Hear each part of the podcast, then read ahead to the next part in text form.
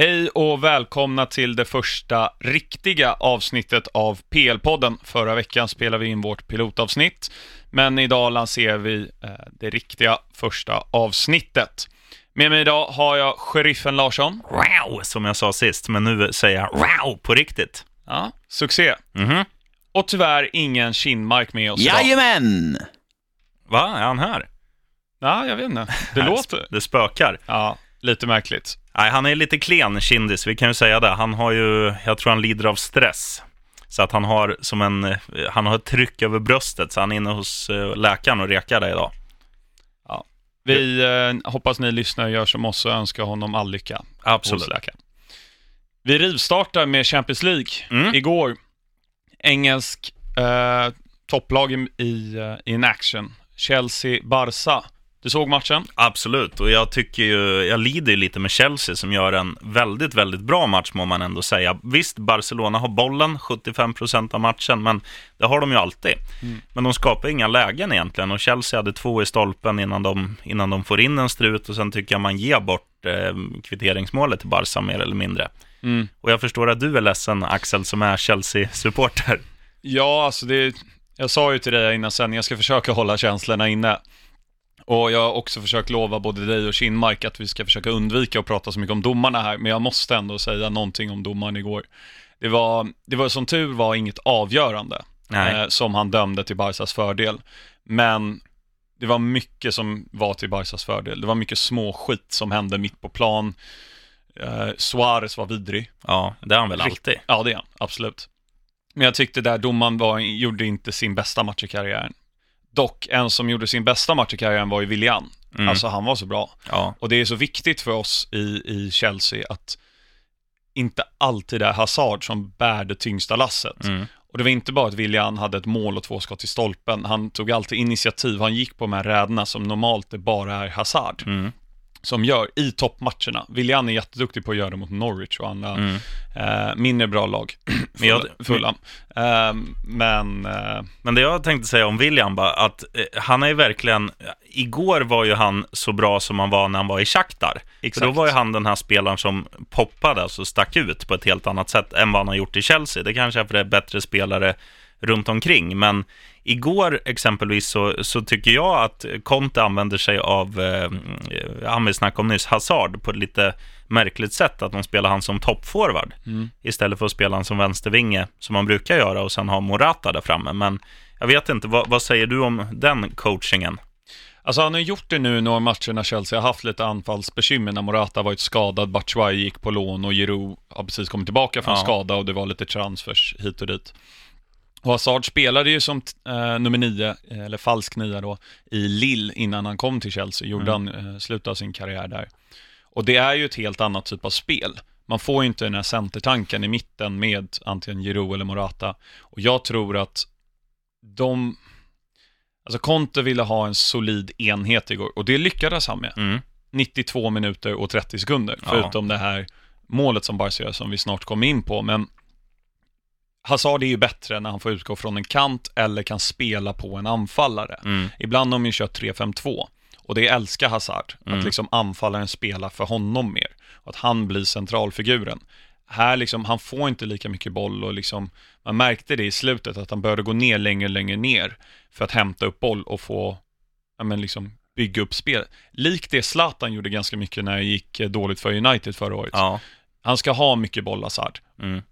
Ehm, men det här var ju väldigt skönt i alla fall att Willian var så fruktansvärt bra på, på alla sätt och vis. ja, han var Eh, chef. Ja, riktigt bra. Även Kanté var riktigt bra på att ta bort Messi större delen av matchen. Ja. Sen, Messi hade ju inte gjort mål mot Chelsea på åtta, mat- åtta försök tror jag. Mm. Men så gjorde han ju det igår. Det var mycket av förhandsnacket som handlade om det och är det verkligen liksom, är det något symptom han har eller liksom är det, är det bara sammanträffande att han råkar bli mot Chelsea varje gång? Mm. Är det inte lite som, att vi, som när vi snackar i eh, pilotavsnitt om Harry Kane, att han aldrig gör mål i augusti? Lite så. Jag Det- tror inte man ska lägga för mycket värde vid det egentligen. Nej. utan det är bara tillfälligheter.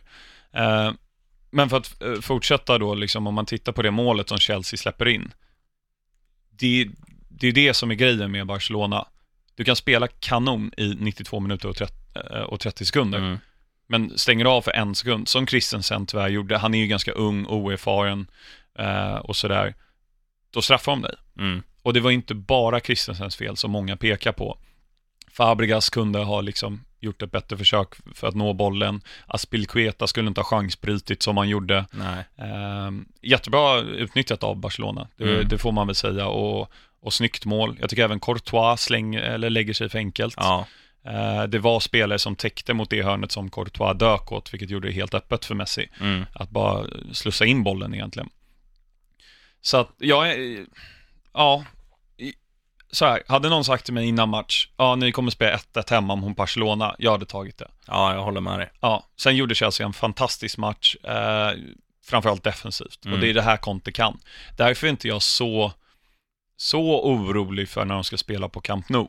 Alltså absolut, Barcelona är ju stora favoriter och troligen går de vidare. Och det man måste tänka på eh, inför den här returen, det är att det är väldigt synd att Barcelona gjorde det här målet, för hade Chelsea åkt dit och bara gått in för att spela 0-0, Mm. så hade det funnits en större möjlighet, för det, det har ju till och med Getafe klarat under säsongen. Ja, exakt. Men eh, nu måste ju Chelsea åka dit och göra mål, Mm. för, och, och sen vet man ju också det att Barcelona gör ju alltid mål. Så att Exakt. det räcker säkert inte för Chelsea att göra en strut och vinna med Nej. 1-0, utan det gäller nog kanske vinna med 3-2 eller något i den stilen. Ja, men precis. Ehm, det blir ju så, gör Chelsea två mål, då är det i princip lugnt, alla, eller då är det lugnt med alla lika resultat. Mm. Då går ju Chelsea vidare på bortamål. Men det som på ett sätt är lite blessing in disguise, det är att Barcelona kommer ju inte spela något annorlunda än vad de gjorde i matchen igår när det är på Camp Nou. Jag tror de, den största skillnaden, en grej som jag tänkte på under gårdagens match, det var att Barca låg lite mer defensivt med sina ytterbackar än vad de brukar göra. För Mm. varken Jordi Alba eller, vad heter han, Rogga på högerbacken? Eh? Sergio Roberto. Just det. Mm. Eh, ingen av dem gick ju som ånglok alla Marcello, som de kan göra när de spelar hemma på ett annat sätt, utan Mm. de var lite mer eh, tillbakahållna av, av coachen. Men jag tror de kommer ju, de kommer ju få friare Mm. tyglar hemma. Ja, ja, ja, dels det, men också om man tittar på matchen igår där de kanske var, till och med, som du säger, ytterbackarna var lite längre ner i banan. Varje gång Chelsea gick framåt Mm. och, och, och liksom vann bollen högt i plan, då har ju inte Barcelona lika många som försvarar som när Chelsea har det. Och det, det gör ju att ja, Chelsea har ganska stor chans att ändå kontra in några mål. De såg betydligt mycket farligare ut än vad Barcelona gjorde stundtals, eller egentligen hela matchen skulle jag Ja. säga. Ehm, ja, jag skulle kunna prata hela avsnittet om, om den här matchen och om Chelseas chanser och, och, och det ena och det andra. Men jag tänker vi, det har ju spelats lite Champions League-fotboll i, i förra veckan också, Ja, som med de engelska lagen. Jag tänkte vi ska börja med eh, Juventus Spurs. Mm, vilken match alltså. Ja. Vilken fantastisk upphämtning av Tottenham som Mm. får allt emot sig. Ligger under med 2-0 tidigt. Ehm, och sen, eh, ja men liksom, vilken styrka att göra det på bortaplan mot ett svårspelat Mm. Juventus som är, som är lite som, ehm, ja men vad ska man säga, som är lite av mästare på att- spela italienskt. Det vill säga göra två mål och sen bara lägga sig på Mm. försvar i 180 minuter och gå Mm. vidare. Men nu har ju Tottenham, nu är ju Tottenham favorit i den här matchserien. Absolut. De, eh, för dig som inte har sett matchen, de ligger under med 2-0, eh, reducerar eh, Mm. 2-1 Harry Kane. Sen bränner ju Iguain en straff, skjuter i ribban precis innan halvtid. Skulle kunna dödat den matchen och Mm. kanske hela eh, matchserien, men sen får de ju till en kvittering där i andra och Mm. eh, fan vilken, vilket styrkebesked av Tottenham. Verkligen, och det är framförallt, alltså vissa spelare man vill lyfta fram, absolut Harry Kane, han gör mål, det är jättebra. Men det är ju Christian Eriksen och, och Moussa Dembélé som jag Ja. utmärkte sig enormt den matchen. Och vilka har format Dembélé? Eh, något lag från västra London, Craven Cottage. Som är skitbra, som heter Fulham. Exakt. Men där var han inte lika bra som han var i den här matchen, det kan jag ju hålla Nej, det med var han inte. Men jag kommer ihåg några matcher från Fulham-tiden. Eh, han var, han, han, ja, det finns ju en anledning varför Spurs köpte honom. Ja, Han var ju väldigt bra då. Eh, Men för att fortsätta där också, man ska ju komma ihåg med Spurs att absolut, det är en jättematch de gör. Men första tio är ju bedrövliga. ja, ja.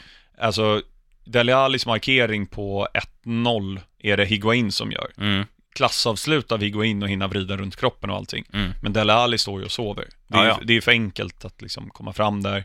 ett jättemisstag av Ben Davis tror jag var som fällde Bernadeschi Ja. i, i straffområdet som ledde till den 2-0 målet eh, sedermera som Higuain satte. Och sen har de ju tur att Higuain bränner straffen Mm. och Buffon kan ju definitivt göra bättre på framförallt Christian Eriksens eh, kvitteringsmål. ja, det är ju hans hörn. stolpe, exakt. Sen gjorde han inte jättebra mot Harry Kane. Men sen är Harry Kane i toppform och liksom, det, man kan inte liksom skylla för mycket på Buffon. Nej. Men, men, men som du säger, ja, Spurs är ju favoriter. Det är de definitivt. Mm. Ehm, och ser fram emot, det är väl nästa vecka de spelar va? Eh, Eller är det där femte mars någon gång tror jag, sjätte, sjunde, sjätte, sjunde mars tror jag de spelar. Ja. Exakt, det är en vecka som är uppehåll emellan med Champions. Ja. Och sen tänkte jag vi ska prata om de två superkrossarna av eh, engelska lag. Basel 0-4 Man City och Porto 0-5 mot Liverpool. ja. Vi satt ju här och var lite tveksamma till Liverpool förra veckan. Vi, hur vi tänkte att de liksom skulle agera mot ett Porto som har varit obesegrat i ligan ehm, och, inte, och vunnit alla matcher tror jag på hemmaplan. Ja. Jag tror inte ens de har tappat poäng. Nej, jag var inne, var inne och snackade lite om det då, att jag tror ju, eh, alltså nyckeln hade ju varit för, för Porto och, och vunnit hemma och kanske maska till sig ett kryss på bortaplan. Så jag, jag såg ju inte, jag, givetvis kunde jag se Liverpool som segrare i matchen. Och det, det är väl, även om, även om Porto har gått rent i ligan så ska man ju säga det att portugisiska ligan är, har ju ingen, alltså inte den bredden som den, den engelska har, utan det finns två, tre lag som håller okej Europanivå. Sen är det ju sådana som knappt håller allsvensk nivå. Mm. Man har ju sett AIK eh, spela mot portugisiska lag i högsta serien och, och det har varit liksom even Steven. Men eh, jag, jag trodde absolut inte att det skulle bli 5-0 till Liverpool. Nej, de, de saknade ju några nyckelspelare Porto, men ändå så skulle de ständigt liksom spela ut från backlinjen och försöka spela sig förbi Liverpools press. Mm. Men City kunde inte göra det. Eller ja, inte jättebra i alla fall. Då tror jag, alltså Porto, det var, det var ganska vågat av dem att göra det. Speciellt när, nu får de till och med igång Mané. Mm. Salah har ju varit i toppform hela säsongen. Firmino har ju gjort jobbet som ingen annan i hela Premier League. Mm. Och sen nu börjar Mané göra ett hattrick helt plötsligt. Ja. Och liksom, det, jag tror det är 3-0 målet, där Porto har en hörna eller en offensiv frispark i alla fall. Och så liksom, jag tror det går 9-10 sekunder så är bollen i mål. Ja. Och det, är- det är sensationellt att se Liverpool och de ser riktigt farliga ut till andra platsen. Där sitter ju för långt bort i, i ligan. Ja. Det, är- ja, det är väl Liverpool eller Tottenham som ska, som ska gå ikapp United som Mm. är tvåa i skrivande stund. Mm. Ja, precis. Vi kommer in på det, vilka matcher som det är i helgen. Det är ganska många avgörande matcher som Ja. kommer här i nästa omgång. Men vi tar det lite senare. Jag tänkte bara lite grann med Basel mot City. Ska vi prata lite kort om, absolut, vi, det är väl ingen skräll att City vinner 4-0 borta på Sankt Jakobs park. Nej. Men försvarsspelet var lite darrigt. Ja, det kunde lika gärna varit 1-0 Basel om han som eh, kom fri där, som jag inte har namnet på, om han hade eh, varit lite mer pricksäker. Han Mm. får ju ett jätteläge. Då hade det varit en, ja, jag ska inte säga att, att City inte hade vunnit ändå, men det är klart det hade blivit en annan matchbild om Basel hade tagit ledningen och Mm. kanske lagt sig lite mer på försvar. Nu gör ju City mm, några riktigt snygga mål och några sådana här eh, ja men vad ska man säga, li, lite enkla mål kan Mm. jag tycka. Lite slappt Basel-försvar och, och de, ja men de får ju det att se så lätt ut. De är, de är ju sylvassa offensivt, Mm. de fyller på med mycket folk. Alla där uppe är eh, kvicka och duktiga på, på alla sätt, liksom, både med passningsfötter och med avslut och, och Mm. sådär. Så eh, Ja, men Där de har haft svårt City tycker jag, det är ju när lag som möter dem vågar spela sitt egna spel. mm, Det märkte man ju, var mot Bristol City de mötte i semin i ligacupfinalen. Nu gick ju City vidare ändå. Men Bristol City, alltså de ledde ju ganska länge i den matchen. Eh, på Bristols hemmaarena. ja, Och även Basel vågade spela sitt egna spel. Kom med ett bra motstånd, PSG, Real eller någonting, då vet fan om Citys backlinje håller över två möten. Nej, Jag hade ju hellre tagit Real eller PSGs backlinje än, än Citys, Mm. men eh, samtidigt deras offensiv känns så extremt väloljad och, och det som jag tycker är, är skillnaden i år mellan tidigare år för Manchester City. Nu är det inte bara en, eh, liksom, något år var det De Bruyne, eller De Bruyne beroende på hur man säger, då var det han som skulle styra spelet. Något år var det Silva som alla bollar gick igenom. Nu känns det som att oavsett om det hamnar på Silva, De Bruyne eller kanske ute till och med på han tysken, vad heter han, Leroy Sané. Ja, Sané. Ja, Eh, precis. oavsett vem som har bollen så, så blir det inte det här att okej, nu har jag bollen, nu ska jag styra. Utan nu är det, oavsett vem som får bollen så vet alla spelare vad de ska göra och de gör det i full fart. Så att de är så extremt svåra att stoppa. Nej, det är, bara, det är bara att instämma och överlag det går ju rätt bra för de engelska lagen i CL som vi här i PL-podden förutsåg förra veckan att det skulle gå bra för dem. Ja. Det är väl Chelsea som inte har någon superchans eh, Nej, egentligen. Men och sen är det väl, Manchester United spelar väl ikväll? exakt, så vi, vi får väl se hur det går och ehm, ja, Sevilla borta är inte en helt enkel match. Nej, framförallt inte om, om United spelar så stillastående som man Mm. gjort senaste matcherna mot Newcastle borta. Det var ju, var ju som att se ett gäng skyltdockor spela. Mm. Jag tyckte du sa det ganska bra förra veckan, man kan inte vinna matcher när man går och spelar fotboll. Nej.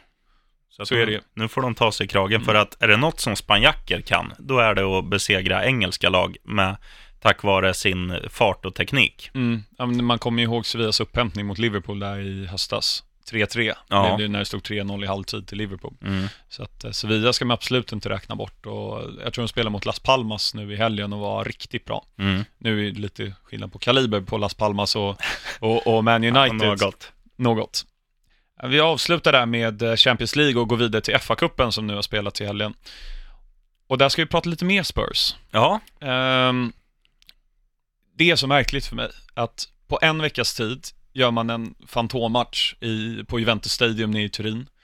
Spelar 2-2 mot ett, ett Juventus som har släppt in ett mål på 16 matcher. ja. Och sen åker man till Rochdale, i, alltså jumbon i League One och får samma resultat med sig. ja. Och hyggligt stark elva. Ja, Harry Kane och Dele Alli startade inte, men de kom ju in ja. och liksom 2-2 där och ytterligare en match. Det här är andra matchen i rad som, eh, eller omgången i rad som Spurs får omspel. Och de har ju matcher så det räcker att bli över, om, även om man bortser från omspelen. Ja, tänker man så så är det ju så är det väldigt klantigt att sätta sig själv i den situationen. Men jag Mm. tror ju, alltså det, det det handlar om för Tottenhams del i det här läget, det är att man, man fortfarande är mentalt eh, endast, man lever i Champions League-bubblan. För jag vet inte om du tänkte på det här intervjun efter matchen när de hade spöat Arsenal med 1-0.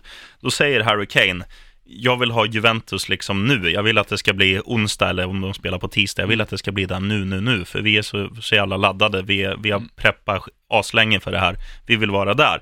Nu har de ju, nu har de ju bara spelat 50% av den matchserien, om man säger. Och då tror jag, oavsett om det gäller reserverna eh, eller så, eh, som, får, som luftas mot Rockdale, Mm. då blir det ju så här att jag tror du märker det i hela gruppen att det är lite mer lattjo än vanligt. Det är inte business. Man, man, utan man slappnar av och, och givetvis är det en underskattning bara man ser tabelläget och vilken division de spelar i. Sen, sen är det klantigt att inte, inte vinna matchen, men jag tror bara det handlar om att de mentalt är i Champions League. Ja, det, det ligger nog något i det och det är farligt att tänka så. Man kan ju ta Liverpool som ett exempel där. De är ju, ja men det bästa laget över de senaste säsongerna tror jag mot topp 6-lagen. Ja, Men där de förlorar titel och där de kanske har förlorat en Champions League-plats tidigare år, det är ju mot eh, de lägre lagen eh, i, i Premier League. mm, Och det är ganska farligt att tänka så mentalt. ja. Så vi får hoppas för, för Spurs eh, skull att de inte hamnar där. Jag tänkte att, ja, vi kan ju nämna att Harry Kane, han gör ju mål igen. På straff, tror jag det var. ja, man behöver egentligen inte ens nämna det, för alla Nej. vet ju att han alltid gör mål. Ja. Det vi kan nämna som målskytt var Lucas Moura, gjorde sitt första mål för Spurs, Mm. eh, sen han kom i januari. Eh, helt okej, snyggt mål liksom. Det är, målvakten kan ju såklart stå upp länge och lite sånt där, men Ja. vi behöver inte diskutera det. Men det är kul för Lucas Moura i alla fall. Ja, och Mm. det finns ju målvakter nyligen som har gjort värre misstag än, än så. Ja. Eh, Jag tänker på Elfsborg mot Gais, men det, det ska vi inte prata om i PL-podden. Nej. Eh, jag tänker vi ska avsluta den här matchen med en fun fact om eh, Rochdale. Okej. Deras dyraste spelarköp någonsin motsvarar vad Harry Kane tjänar på tio dagar. Ja. Mm. Eh, 150 000 pund, alltså. Går vi vidare till ja, omgångens skrällen då, som hände i måndags. Wigan mot Man City. Jag hade nästan glömt bort det. Ja, jag kommer inte ens ihåg det. Nej, ja, det var ju ehm, ja, men nästan som att det var skrivet i stjärnorna vem som skulle avgöra den här matchen om Wigan skulle vinna. Will Grigg, Mm. om ni minns ehm, Will Grigg-låten från EM 2016 tror jag det var. Ja, Trots att han inte spelade en enda minut så var han typ hela turneringens huvudpunkt. det, det var, vi spelade den låten väldigt mycket under våra grillkvällar hos en polare som heter Englund. Ja. Då, då blev det liksom att det blev en typ av kampsång när man väntade på att köttet Mm. skulle bli klart. Will Griggs on fire. Ja, den är riktigt bra. Jag vågar inte riktigt sjunga här i PL-podden, men det är alltså den gamla dängan Freed from Desire, tror jag den heter, som en Wigan-fan har gjort om till Will Griggs on Fire istället. Så Mm. det är bara att kolla på YouTube eller liknande. Men jag tänker så här, jag är inte så förvånad över att City torskar den matchen. Delf blir utvisad precis när halvlek, Ja, eh, spelar med en man mindre. Och jag tänker, bryr sig City så mycket? Egentligen. nej, det tror jag inte. Nej. Alltså inte när man har, inte när ligan redan är klar och eller ja, egentligen, de kanske bo- borde bry sig egentligen, för det, då hade de ju haft en titel till att spela om. Ligan är ju punkterad om de inte går på en kollektiv, kollektiv kollaps deluxe. Det var väl något lag som gjorde det där 95-96. Jag tror Kinmark hejar på dem. Tappade 12 poäng från mars och framåt ungefär Ja, till United. Um, om inte jag minns helt fel. men annars så liksom, det känns ju Champions League nu, är- man ska inte säga att, det, det är klart att Basel slår de ut, men sen blir det en ny lottning, det beror på vad de får där. Du kan inte slappna av oavsett vad du får för lag, även om det skulle bli Sevilla, Mm. så, så kan du inte ens gå in och underskatta ett sånt lag, men annars kommer det ju bli någon av de stora elefanterna. Ehm, så, så sk- skulle Pep Guardiola få frågan, eh, åkte ni ut för att ni inte brydde er? Eh, så tror ju jag att han skulle ju hellre vunnit den där matchen. Mm. Ja, så är det väl. Men ehm, ja, nu kan man åtminstone lägga allt fokus på, de har ju ligacupfinal i helgen Mm. och så har de Champions League och jag menar de, de är på väg mot alla typer av rekord i ligan och en sån manager som Pep, eh, om inget annat känns som han kommer vilja slå varenda rekord som finns. Mm. Eh, Så de kanske lägger mer krut på det. Eh, Nästa match då, Chelsea 4, Hall 0. Det var väl väldigt väntat med tanke på att Hall till och med de åkte ur i fjol från Premier League, spelar nu i Championship och är ett bottenlag där. Mm. Eh, får inte till en offensiv och, och det, ja, det, det är väl väntat liksom. Mm. Chelsea ska ju slå Hall även om de spelar med ja, bara reserver i stort Ja, sett. men Hazard vilades helt och hållet. Jag tror Morata kom in lite grann i slutet. Jag, Ja. jag såg faktiskt inte matchen. Okej. Eh, Men eh, William, återigen bäst på plan som han var igår mot Barca också. Eh, Ska också komma ihåg att Hall hade alltså tre stycken ordinarie spelare som inte fick spela för att de var på lån från Chelsea. Okej. Så ja. Eh, nästa match då. Leicester-Sheffield United 1-0. Jamie Vardy gjorde målet tror jag. Ja. Eh, såg inte den, men eh, det, det är kul för Leicester som jag tycker ska satsa på FA-cupen i och med att de befinner sig någonstans i någon skärseld mellan, eller liksom ingenmansland. Mm. Det, de åker inte ner, de kommer inte spela i Europa. Satsa på FA-cupen, så, så kul för dem. Ja, absolut. Mm. Och, och, och det där är ju, eh, alltså, Leicester är ju ett lag som man tack vare tidernas största skräll har ett litet gott öga för. I alla fall har jag det. Jag tycker Ja, ja. att det är häftigt när, Mm. när sådana där eh, underdogs gör något väldigt stort. Och, nej, det vore kul om Leicester kunde kamma hem en liten cuptitel Mm. till, Ja. till våren. Ja, det är efter Chelsea så hejar jag på Leicester i FA-cupen från och med nu tror jag. Ja. Eh, nästa match som jag är väldigt glad att jag inte såg. Eh, Sheffield Wednesday Swansea 0-0. Mm. Lyssnade på en annan podcast från eh, The Guardian. Som, och den personen som gjorde deras minut för minut där. Ja. Han sa att han ha, har aldrig varit så nära på att somna under match som under den matchen. Och han är jättearg att det, det ska spelas en, ett omspel kring den matchen. Ja. Ehm, ja, så vi behöver inte säga så mycket om den. Men om man tar nästa match då, West Brom Southampton, som eh, vi pratade lite kort om förra veckan. Liksom båda under nedflyttningsstrecket. Det känns som ingen ville vinna den här matchen Nej. egentligen. Eh, det blev ju 2-1 till Southampton på bortaplan och eh, West Brom är väl egentligen glada för Ja. det. Så kan de bara lägga allt fokus på ligan. Ja, och försöka klara sig kvar. Det, Mm. blir, det ska jag väl inte snacka om nu, men det känns ju som att Alltså de, de har ju verkligen stått still och stampat i samma hjulspår. Mm. Eh, bara att alla spelare har blivit äldre och, och därmed också söligare. Mm. De är bra på att sno taxibilar dock, eh, i Barcelona. Ja. om, du, om du läste det. Mm. Ja, men det, det är en intressant historia. Den finns över större delen av internet om ni lyssnare vill ta del av den. Nästa match då, Brighton-Coventry 3-1. Um, jag tror det var du, eller om det var Ja, ja. Kinmark, som snackade om att det var så himla fin stad, Ja. Brighton. Så vi, vi eh, hejar lite på Brighton också. Mm, de det här. fla flaggar Larsson för förra avsnittet och den satt ju som ett slagskott i krysset. Mm. Eh, nyförvärvet Locadia gjorde sitt första mål för Brighton. Eh, jag tror han var eh, deras dyraste förvärv eh, genom tiderna, så kul Okej. för dem. Ja, Eh, och sen kommer vi till då Huddersfield 0, United, Manchester United då 2. ja. Båda målen av Lukaku. Eh, för en gångs skull liksom lite forwardsmål där han får driva. Eh, båda målen var ju ganska lika varandra. Där han liksom får en genomskär och får driva och liksom använda sin styrka mot försvaren. Mm. Så liksom, sen tyckte jag inte eh, United var speciellt bra utöver det. Eh, första halvlek var bedrövlig, rent ut sagt att titta på. Men kul för Lukaku att få göra två mål. Men visst har United blivit det här laget nu senaste åren att nu, det sprudlar ju aldrig om dem. Alltså, toppmatcher blir ofta så att man har väldigt stora förväntningar, man bänkar sig och sen får man se en 0-0, ibland 1-1 historia mellan exempelvis Manchester United och Chelsea kanske. Det blir ju att de liksom tar ut varann.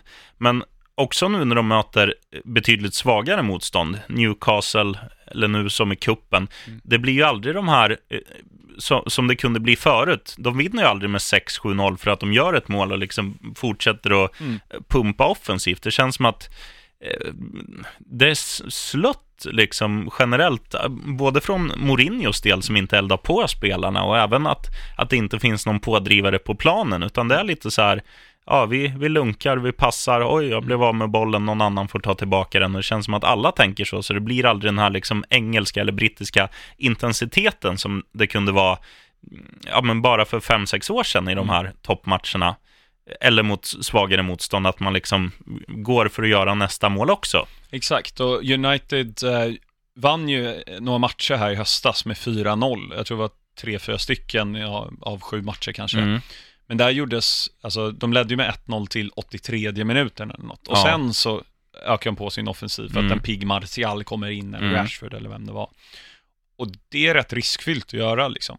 Jag menar, kommer, säg att man spelar mot Newcastle, ja men nu gjorde ju de mål. Ja. När United inte får, får hål på dem för någon vecka sedan här. Så det där, på något sätt blir Mourinho hans egna värsta fiende. Ja, Och han har ju väldigt många fiender, Mourinho. Men hans värsta fiende är nog han själv. Mm. Att eh, han inte vågar ösa på, framförallt som du säger, mot de sämre lagen. Mm. Jag vet inte om du minns det för, för några år sedan, om det, om det var förra året eller om det är två år sedan, när de spelade hemma mot, eh, eh, vilka var det nu? Kan det ha varit Burnley som hade han Tim Heaton i mål? Mm. En match som slutade 0-0. Ja, ja. han gjorde typ 12 räddningar eller Mm. Och någonting. d- liksom efter den matchen, då har jag aldrig sett den typen av offensiv från Manchester United, för där, där fick de ju inte in bollen, men där körde de bara bam, bam, bam, men det var, det var stängt i Mm. den kiosken som Ja. hette målburen. Men liksom sen dess, då har jag aldrig sett den där riktiga urladdningen, utan det, det känns som att den matchen gjorde någonting med, med deras eh, offensiva kraft. Ja, men det kan nog ligga, ligga något i det. Det var väl förra säsongen med, med Zlatan. Jag kommer ihåg han satt någon så här halvcykelspark som typ bröt handen på Tom Heaton då. Ja, Ehm, ja, de kryssade väldigt mycket, så väldigt mycket likadant ut på Old Trafford förra året. ja, Så att liksom de har väl utvecklat det att de gör kanske lite fler mål. Det är väl mer att de ska liksom gå tyngre direkt från början. Att liksom, ja men ta City nu mot Basel. Det stod Mm. ju 3-0 efter 20 minuter. ja. Det händer ju inte med United. Men, men det som är stora skillnaden däremellan bara United och City, eh, snabb reflektion, det är att när, City, när en spelare i City har bollen, då rör sig resterande 10. Målvakten kanske undantaget resterande 9 då. Men i United, då rör sig ingen. Nej, precis. Nej. Jag känner att vi ehm, har pratat ganska mycket om FA-cupen här ehm, och liksom alla favoriter håller sig kvar då, eh, förutom City som åker och så får vi se med Spurs och Swansea. Eller favoriter, men Premier League-lagen. Ja, de ska ju klara det där. Ja, definitivt. Jag tänkte att vi ska dra oss vidare till det som kan komma att bli Sveriges mest folkkära segment här. Vad händer sen? Oh, spännande. Mm. Kommer ihåg vem jag valt den här, eh, den här uh, avsnittet? Ja, en hjälte som bland annat har spelat i laget vi nämnde nyligen, Swansea. Vi snackar om Mishu. Exakt. Um, det är väl definitionen av en one season wonder. Eh, det kan man lugnt säga. Yes. Han är ju mest känd för, för sin säsong 2012-2013 i Swansea, där han var under Mikael Laudrup, eh, danskens ledning. Ja. Gjorde två mål i sin debut eh, för Swansea. Eh, de, de vann 5-0 på Loftus Road mot QPR tror jag. Okej. Okay. gjorde han två mål och sen så bara fortsatte han att ösa in mål. Jag kommer ihåg att jag plockade in honom lite för sent i fantasy och grämde mig över det ganska mycket. ja. Um, och han fick totalt då 22 mål i alla turneringar, varav 18 stycken i Premier League. Ja, det är starkt. Och Swansea slutade nia då. Så att jag menar, vi, vi pratade ju här om Kevin Phillips förra året som gjorde 14 förra mål. Förra avsnittet. Ja, förra avsnittet, inte förra året. Um, och då när Sunderland kom sjua liksom, så mm. hade han gjort 14 mål. Uh, när säsongen han dippade med 18 mål för Swansea som kom nia. Riktigt, riktigt bra. Och så vann de även ligacupen ja, den säsongen. det är coolt. Slog ut Chelsea på vägen. Och var det det året de hade så, då hade de ett väldigt roligt lag, Swansea, som spelade mycket inlägg mm. på bland annat Mischa, att de hade hans snabba, vad heter han, Dyer va, i efternamn? Ja, de har en Dyer och Routledge. Så heter de. Ja. Och det var liksom, då var Swansea ett sådant mm. lag som, som påminner lite om gamla Arsenal när de hade Pires på en kant och mm. någon annan pappskalle på den andra kanten. Någon hallänning tänker du på? Ja, Ljungberg. kanske. Ja, mm. eh, och då...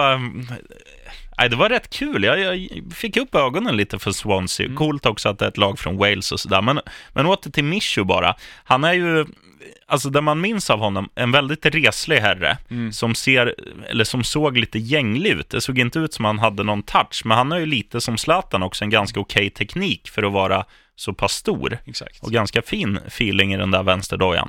Mm. Jag tänkte vi ska börja med lite bakgrund kring Mitchell. Han är fostrad i Oviedo sen han var åtta år gammal och klev in i seniorlaget 2003. Så då gick han, eh, så var han där i tre, fyra år innan han gick till Celta Vigos B-lag 2007 och upp i A-laget 2008. Oviedo spelade i fjärde divisionen tror jag mm. på den tiden i Spanien. Efter eh, några säsonger i Celta Vigo så kom han till Rayo Vallecano eh, 2011 eh, innan Swansea då 2012. Han hade då gjort 52 mål på 266 matcher totalt i sin seniorkarriär. Och det man ska komma ihåg är att Mitchell var inte tänkt som en nia egentligen. Nej, han fick okay. ju nummer nio, utan han var tänkt som en ersättare till Gylfer Sigurdsson som hade gått från Swansea till Spurs. Ja. Sen kom ju Sigurdsson tillbaka också. Mm. Men eh, då insåg de ganska snabbt att, jag tror han startade som tia i matchen mot QPR, men så oj, han är ganska målfarlig, så då flyttade Laudrup upp honom mm. lite grann. Mm, var inne här på att han gjorde 18 mål eh, i Premier League och sen fyra mål i de olika FA-cup och, och ligacupen mm. och så vidare. Tyvärr hände inte så mycket efter det för, för vår gode Mitchu. Han gjorde två mål i PL-säsongen eh, därpå och fyra i Swanseas Europa League-äventyr, med att de vann ligacupen så kom ja. de till Europa League. Han hade en, en, en del skador också, eh, som gjorde att han bara spelade 24 matcher totalt under alla turneringar, men fortfarande då sex mål på 24 matcher. Ja, det är för dåligt. Det är riktigt dåligt. Efter den katastrofala säsongen så lånade han sig ut till Napoli, men då kom skadorna igen och det blev endast tre matcher och noll mål för Michu. Och det blir tyvärr bara värre härifrån. Eh, säsongen därpå, 2015-2016, så köptes Michu av Tercera Division-laget Langreo, vilket är då fjärde divisionen i spanska ligan, ja. eller spanska ligasystemet. Där gjorde han 10 mål på 13 matcher, vilket ändå är godkänt. Ja, ja, det är ju bra. Men, men eh, motståndet är ju betydligt sämre där än i Premier League. Givetvis. Och sen så en, en fin grej med Mitchell är att han tillsammans med sina spanska kollegor Juan Mata och Santi Cazorla är ju alla fostrade i Oviedo. Mm. Så de tre gick ihop och eh, räddade Oviedo, Oviedo från konkurs. Det är eh, vackert. Väldigt fint. Det är fint när fotbollsspelare är lite humanitära sådär. Ja. Och han återvände sedermera till sin barndomsklubb då säsongen 2016-2017. Ett mål på 27 matcher. Aj. Ja, och det var spanska andra ligan. Ja. Och tyvärr blir det ett sorgligt avslut här för Mitchell. Han la skorna på hyllan i juli i, för ja, nio månader sedan eller vad det är. Mm. 31 år gammal. Det är... Han var inte äldre än så alltså? Nej. Och en landskamp fick jag med, mot Ja. Vitryssland i VM-kvalet 2013. Hur många brödrostar ger du hans karriär? Jag vill ändå ge honom tre bara för att han var så jävla bra den säsongen Ja. i Swansea. Så vi säger tre av fem då. Och att man ändå kommer ihåg han trots bara ett bra år, Mm. det är också ett tecken på en klart godkänd karriär. Tre av fem håller med dig. Ja, och där kan bara tillägga sista grej. Det är ett tecken på hur enormt uppmärksammat Premier League är. Ja, Genom att liksom en säsong där och, och alla kommer ihåg det. De, de flesta av lyssnarna kommer säkert komma ihåg Mitchell också. mm. Nu tänker jag att vi går vidare till vårt andra segment här där vi ska ta ut en All-Star 11 av PL-spelare genom tiderna. Mm. Ehm, Det funkar som så att vi väljer en position per avsnitt och i pilotavsnittet så valde vi dels formation, 4-4-2 och vi Yes. valde Peter Schmeichel som målvakt. ja. Idag är det högback som gäller. Och jag sitter faktiskt och googlar lite, för det står helt still. Jag tänker, när någon säger högerback Premier League till mig, då tänker jag på han som var högerback i Leeds när de var så bra och var i Champions League-final. Kan han heta Gary Kelly? Jag ska försöka, Mycket med. Gary Neville tänker jag på. Eh, Ska väl nämnas ja, ändå. Mm. Vad hette han? Eh, Eboe var ju en härlig spelare i Arsenal också, när de var Invincibles också. Ja absolut. Han, Elfenbenskustens Mm. eh, skönaste lirare kanske. Eh, det är synd att inte han var högerback då, han, han som spelade i Tottenham, Azoe Koto, som, Ja. inte ens, som inte ens var intresserad av fotboll. Han visste inte ens vilka de skulle möta när han kom till samlingen. Han, men eh, det kan vi Vet ta du vad Azoe Koto gör idag? Jag skulle tänka på att han, eller tänka mig att han är typ konstnär eller något. Porrskådis. På riktigt? Ja, på riktigt. Oh mamma. Azoe Koto eh, eh, jobbar inom porrbranschen nu sedan två år tillbaka kanske. You go girl. Ja, men högerbacka då, om vi ska återgå till det lite Ja. grann. Eh, istället för att prata om eh, alltså, Kotos eh, spexiga äventyr.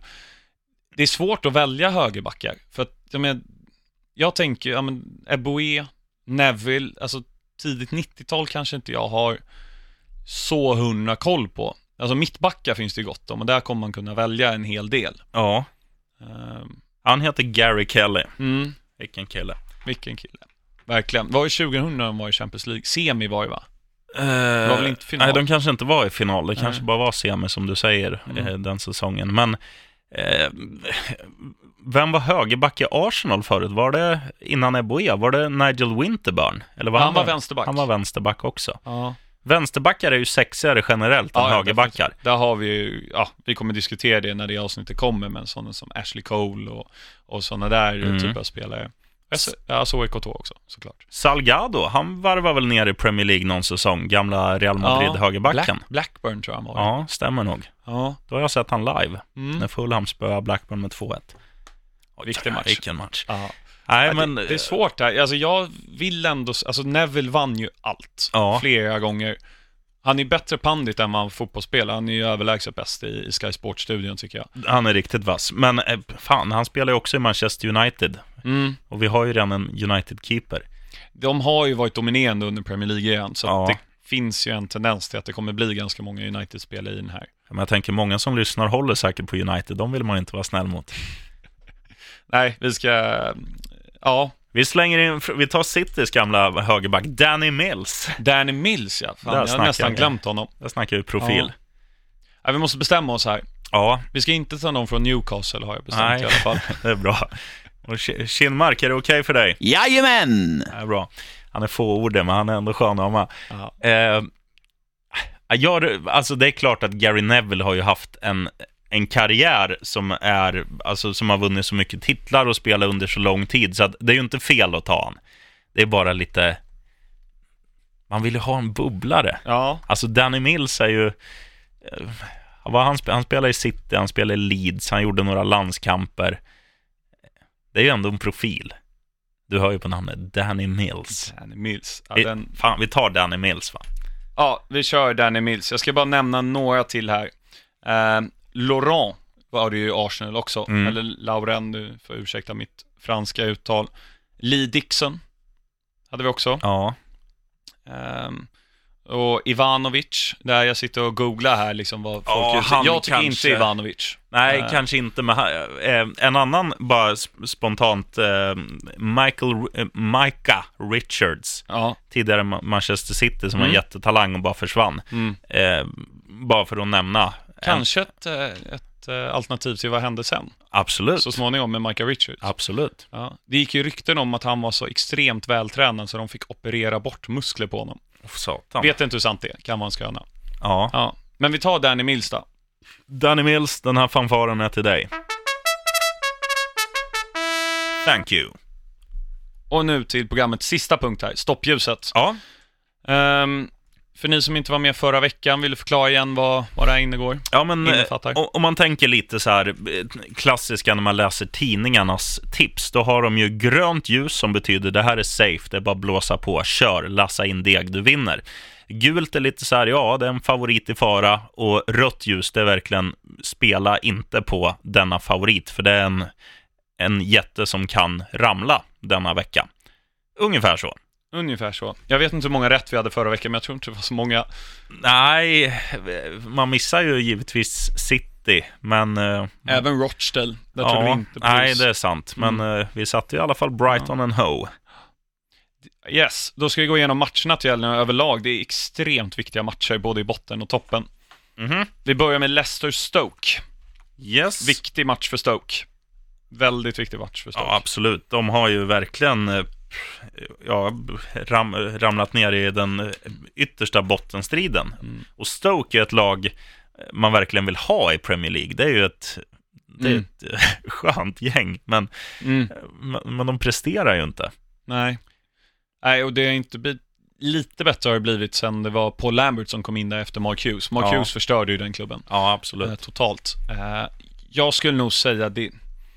Jag tror Leicester vinner, men gult kanske. Ja, det är, håller det är inte dig. helt, eh, det är ingen spik på den. Nej. Liksom. Långt Nej. ifrån. Vi kör gult då. Ja, Bournemouth Newcastle. Bournemouth har varit rätt bra på sistone. De Ja. förlorade ju 4-1 tror jag mot Huddersfield sist, men slog ju Chelsea imponerande på Stamford Bridge med 3-0. Slog Arsenal för några veckor sedan. Ja. Och Newcastle, ja, de slog ju United nyligen. Ja, och, och det här är verkligen två lag. eh, Jag skulle ju, om det här hade varit en stryktipsrad, eh, haft utgångskryss. För att det här är ju två lag som ofta gör att undertecknad inte vinner några pengar på, på stryktipset. Jag, jag spelar ju, när jag spelar på Brighton, då förlorar de. Och när jag, och när jag garderar liksom kryss och förlust så vinner de. Bournemouth menar du? Ja, förlåt, Bournemouth. Eh, också ett lag som är, alltså, som är roliga att se för de spelar sin egen fotboll. De har inte tummat på sin filosofi utan är gärna ett spelförande lag. Newcastle har blivit, tycker jag, lite mer så här att de anpassar sig efter sina förutsättningar. Med tanke på att, som Kinmark var inne på förra veckan, de har inga, inga forwards. Nej. Men de har ändå ganska starka mittfältare som är duktiga på att vinna boll. Eh, De har han tatuerade brassen på vänster... eh, Ke- Kennedy, Chelsea-lånet. Ja, som är liksom helt okej. Mm. Jag gillar högerbacken, jänkan med de här märkliga rastaflätorna. Eh, Gatlin, va, eller vad han heter. Uh, Jedlin. Jedlin. Eh, Så ja, det finns profiler. Kryss! Bra. Eh, men det är ju ingen färg. Kryss. gult. Gult. Ja. Eh, Brighton-Swansea. Eh, Brighton, Swansea. Nej, där, där vinner Brighton. Mm. Ja, jag tror på kryss här också. Ja, I och för sig, båda måste vinna. ja. Swansea är mer än Brighton, dock. Så är det. Men de här lagen, ofta nykomlingarna, de är ju de är jävligt duktiga på hemmaplan. Mm. Det är bara att titta på Huddersfield. De har väl, eh, ja, de har väl inte vunnit varje hemmamatch, men Mm. de har inte tagit många poäng borta. Men hemma, då kan de spotta in tre kassar Mm. och vara helt briljanta vissa matcher. Framförallt mot de sämre motstånden, Ja, är det ju så. Ja, men vi sätter, eh, vem är favorit här? Egentligen ingen. det borde väl vara, Brighton. Brighton Ja. ligger högre upp. ja, och Så- spelar hemma. Så, ja, Ja. Ja, vi sätter, jag tror grönt då. Ska vi sätta första gröna för veckan på Brighton? punga in på Brighton. Ja. Burnley, Southampton. Riktig ångestmatch på något sätt. Ja, Alltså Burnley är ju- lite likt Leicester, de är ju inte riktigt i fara för att åka ner. De var ju Nej, väldigt bra i höstas, men är så otroligt tråkiga att titta på. ja. Men de, de spelar ju på en skön arena, Turf Moor heter den va? Mm. Och eh, brukar vara hemmastarka. Den här säsongen har de väl nästan tagit med pinnar borta. De har till och med tagit några riktiga fina skalper och besegrat liksom topplag på bortaplan. Chelsea i premiären om jag inte minns fel. Mm. 1-1 på Wembley mot Spurs min, äh, minns jag också. Ja, ja, på Anfield tog de en poäng också. Äh, de har varit bra. Burnley hemma nu dock.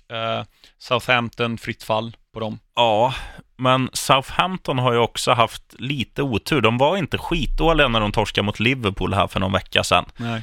Eh, jag säger kryss. Mm. Kryss, och Och- där är väl Burnley trots allt favorit. Ja, Så gult. Gult. Liverpool-West Ham.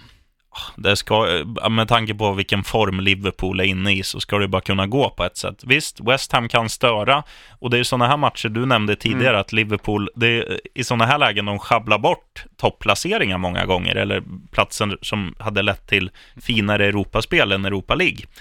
Ehm, Så det är klart att West Ham kan ta en pinne här om Liverpool inte gör jobbet. Men eh, Liverpool ska ju vinna med Mm. tanke på vilken, alltså där de visade i Champions League nu, Mm. borta senast. 5-0 borta mot Porto. Mm. Bam, de ska ju bara...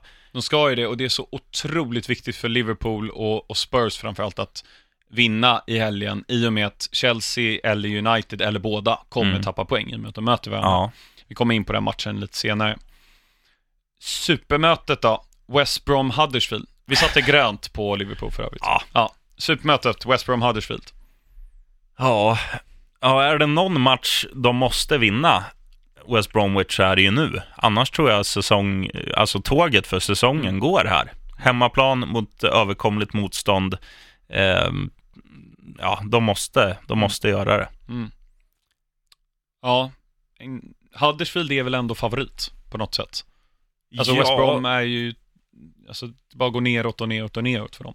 Jag, tänker mig ju så här att eh, ofta sådana här jämna matcher så är det väl lägre odds på hemmalaget, men eh, skulle man se, läsa tio tidningars tips så är jag inte säker på att West Brom skulle vara favorit, så det känns väl samma här, liksom utgångskryss. Mm.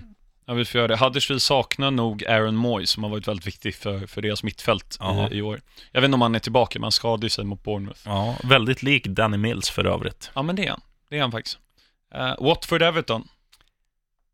Ja, det här är väl den som jag sätter det grönaste av grönt på hemmalaget. Alltså Mm. Watford, vilket, vilken match de gjorde mot Chelsea för ett par veckor sedan. Ja, och det var inte bara, alltså även när, innan Bakayoko fick hjärnsläpp två gånger om, eller fem gånger, eller vad han Ja. gjorde.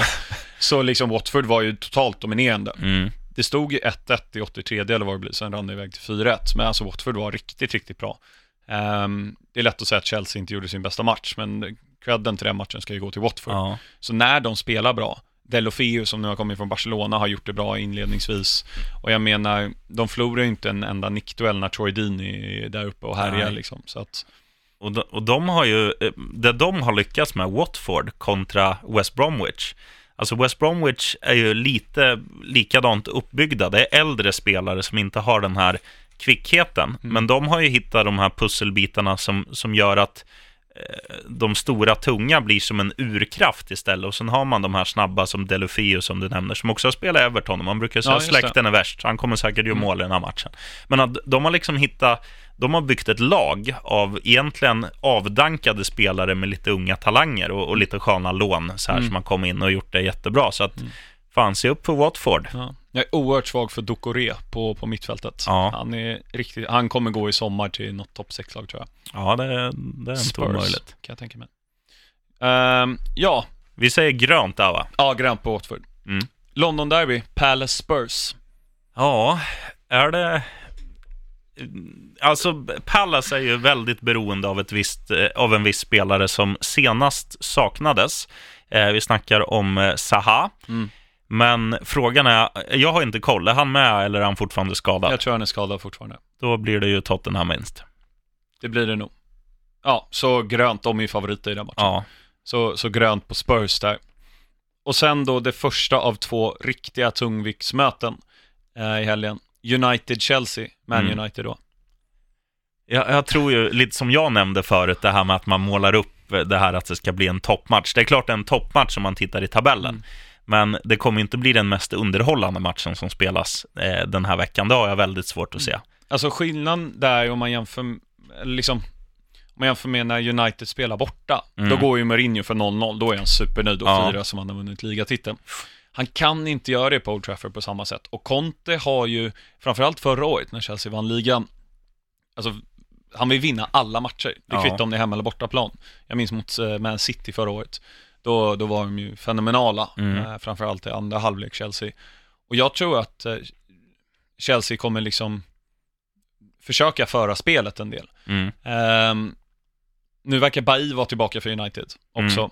Och det är bra nyheter för dem, för att mittbackarna Smalling och Jones har inte sett jättebra ut på sistone. Och jag tror mycket kommer handla om också hur det går för United ikväll mot Sevilla. Ja. För det är liksom, vad har de för självförtroende? Är det, vinner de 3-0 borta? Mm, då, då kan de ju chilla och bara, okej, då, då är det liksom den ångesten borta. Nu behöver Ja. inte tänka på CL, för vi vinner med minst 1-0 på, Ja. på liksom Old Trafford sen. Så jag tror, den är, den är oviss. Absolut. Mm. Jag ska eh, titta lite vad, vad själva oddsen står i eh, på den här matchen bara. För jag, jag tänker säga så här, om, om United är favorit så skulle jag vilja rödflagga den här. För jag tror att jag, jag tror inte att United kommer vinna den här matchen. Och anledningen stavas dels att eh, det jag har sett av laget på senaste tiden är, jag har svårt att se att de liksom, bara för att de möter Chelsea, ska tända till och börja springa på planen, för det har verkligen varit eh, extremt slött. Mm. Sen tycker jag Chelsea nu står upp väldigt bra, alltså just, just det här med att inte släppa till så mycket målchanser mot Barcelona. Och det måste man ändå säga att Barcelona är ett mer spelskickligt lag än Manchester United, som är duktigare på att luckra upp försvar. Definitivt. När de inte lyckas, då har jag liksom svårt hur Uniteds gå-fotboll ska lyckas med det, även Mm. om det finns jättespelare i United givetvis. Men eh, Ja men absolut, det finns ju jättespelare, men om man jämför dem med Barcelona som Chelsea mötte igår. ja, Vilken spelare i Uniteds startelva går in i Barcelona? Paul Pogba, Gör han det? ja det måste han Ja, Fan, ja de Gea. Går, är Ja. Ter Stegen är bra, men de Gea är nog bättre. Ja. Ehm, ja, Manchester United är ju stora favoriter till och med. mm. 2,15 gånger pengarna kontra Chelsea 3,75. Vi- Jag säger rött på den. Det är bara att instämma.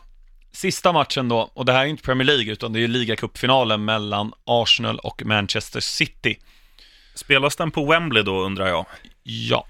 Så det är neutral plan. Mm. Och, eh, Arsenal är bra på Wembley. Ja, jag tänkte, jag tänkte säga det att fan, har inte Arsenal plus stat- statistik på i just sådana där matcher? Det tror jag de har. Mm. Om man ser, mm, tittar liksom tio år tillbaka. De, Mm. de brukar ju vara bättre på Tror- Wembley än på, eh, ja, nya Highbury, som jag inte kommer på vad den Em- heter. Emirates. Emirates Ja. heter den. De har ju tre, tre FA-cuptitlar tror jag på de senaste fyra säsongerna. Ja, De vann ju nu senast i våras mot Chelsea och var riktigt bra då, Mm. eh, Arsenal. Så att jag, ja, City kommer i och för sig ha haft en x antal dagars fler vila, för Arsenal möter väl Östersund igen imorgon. ja stämmer. Slipp, slipper resa. Och Eh, kommer, med tanke på att de har 3-0 i ryggen, så kommer de ju kanske kunna vila de viktigaste spelarna Mm. som de vill satsa på nu eh, till helgen. Men eh, Jag kan tänka mig att sådana spel som Welbeck, Iwobi och sånt där kommer starta mot Östersund imorgon. ja, Özil och, och Aubameyang, Aubameyang får inte ens spela. Nej. Och Lacazette är skadad. ja, Så liksom, jag tror många av nyckel, precis som du säger, nyckelspelarna kommer troligtvis att vilas imorgon. Mm.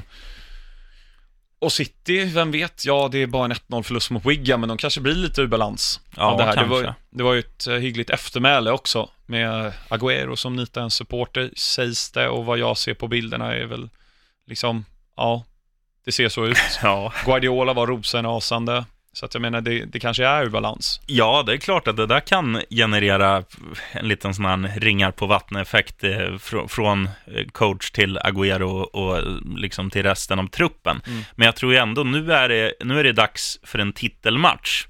Och eh, tittar man på Pep Guardiola under sin tid i Barcelona och även i Bayern München, så är det ju någonting som han, nu har han inte lyckats med det i City, men tidigare så har ju han varit eh, väldigt, väldigt duktig på att roffa åt sig alla titlar som går att vinna.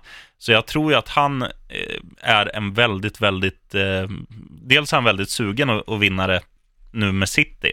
Och sen är ju han också en väldigt duktig matchcoach och har lite mer Alltså om man bara tittar på truppen, han har ju flera alternativ. Han kan ju spela spelare som är i form på ett annat sätt än vad Arsene Wenger kan göra, Mm. för han har inte samma bredd i Arsenals trupp som City har att tillgå. Och en betydligt bättre matchcoach är ju precis som du säger, Mm. Guardiola. Wenger får ju ofta kritik för att han är för dålig under matcherna. Ja, Utan han vill gärna hålla sig till sin plan, gör byten i 83 liksom. ja, Så, ja, City är ju favoriter. Så här. Ja. Men jag tror ändå att Arsenal kan, kan knipa det här. Ja, jag, jag säger... Jag skulle säga utgångskryss. Ja. Men eh, så, ja, gult blir det Mm. väl. Gult. Yes. Och med det så ska vi runda av här, eh, PL-podden, vårt första riktiga avsnitt. Mm. Ehm, tack så mycket, sheriffen, för att du kom hit. Tack och. Kinmark, tack för bra input. Jajamän! Härligt Kinmark. Ha- Han, eh, ska vi avsluta med det? Han smsar mig. Ja, vad Jag, skriver fråga, han? jag frågar hur det var med han. Så ska jag läsa väldigt grundligt så alla, alla lyssnare vet. Tack för omtanken. Japp, inget fel på hjärtat, lungor eller blodtryck, så vette fan. Är väl stressad eller något. Fick piller i massor, så får väl testa det här. På, eh, är med igen nästa vecka. Ja, och med det, nu avrundar vi. Tack, tack för att du kom hit, sheriffen. Ja, tack Axel. Right on.